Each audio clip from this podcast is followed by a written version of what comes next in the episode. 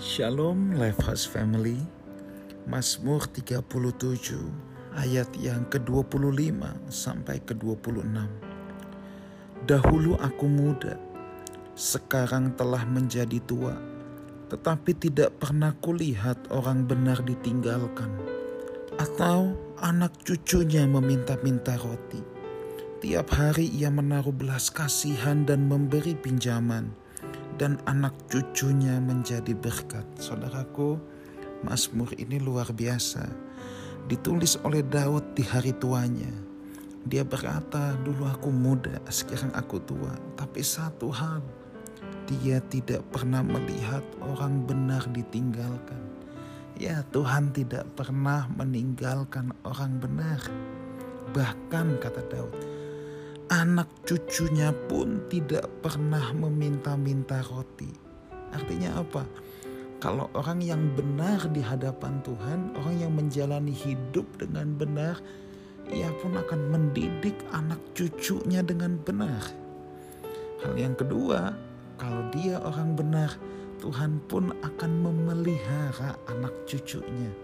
Di sini bukan soal bilang berapa kekayaan yang ia miliki, atau saya tidak sedang berkata bahwa orang benar pasti kaya raya punya uang sekian banyak. No no no no no, bukan soal punya uang berapanya.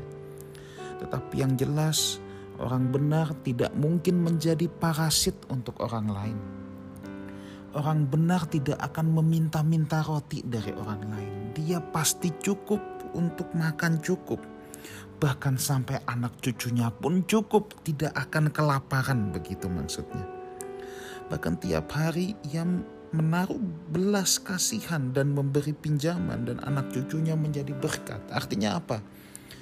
Orang benar itu memiliki belas kasihan, bahkan bisa menolong orang lain yang membutuhkan.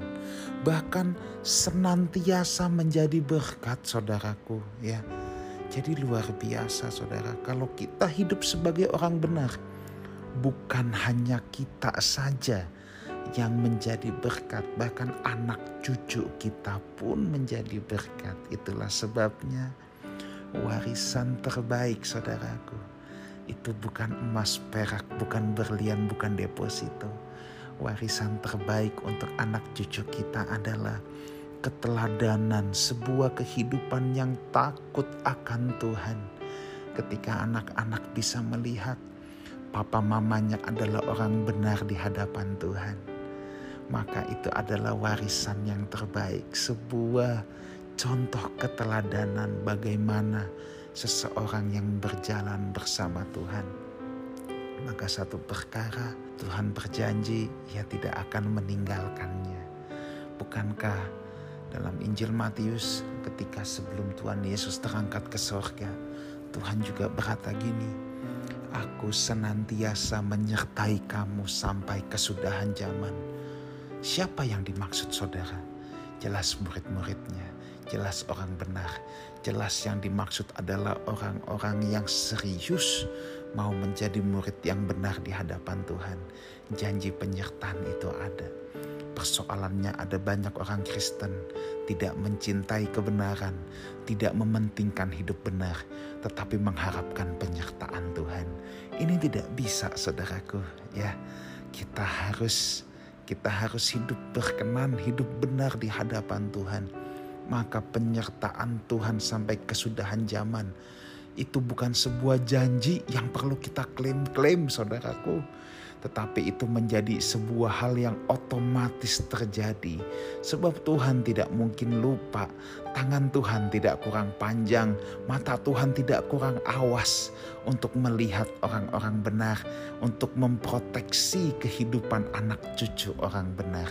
Itulah sebabnya bagian kita adalah menjadi orang benar dalam segala hal dalam kesalehan privat kita, dalam hubungan suami istri, hubungan dengan anak, hubungan dengan kolega, tugas kita hanya satu, menjadi orang benar. Maka janji Tuhan tidak perlu diklaim, otomatis akan terjadi, yaitu anak cucu orang benar, tidak meminta-minta, bahkan menjadi berkat. Dan ingat, Aku senantiasa menyertai kamu sampai kesudahan zaman. Demikian yang Yesus katakan. Tuhan menyertai Lifehouse Family yang serius mau hidup benar di hadapannya. Tuhan memberkati. Haleluya.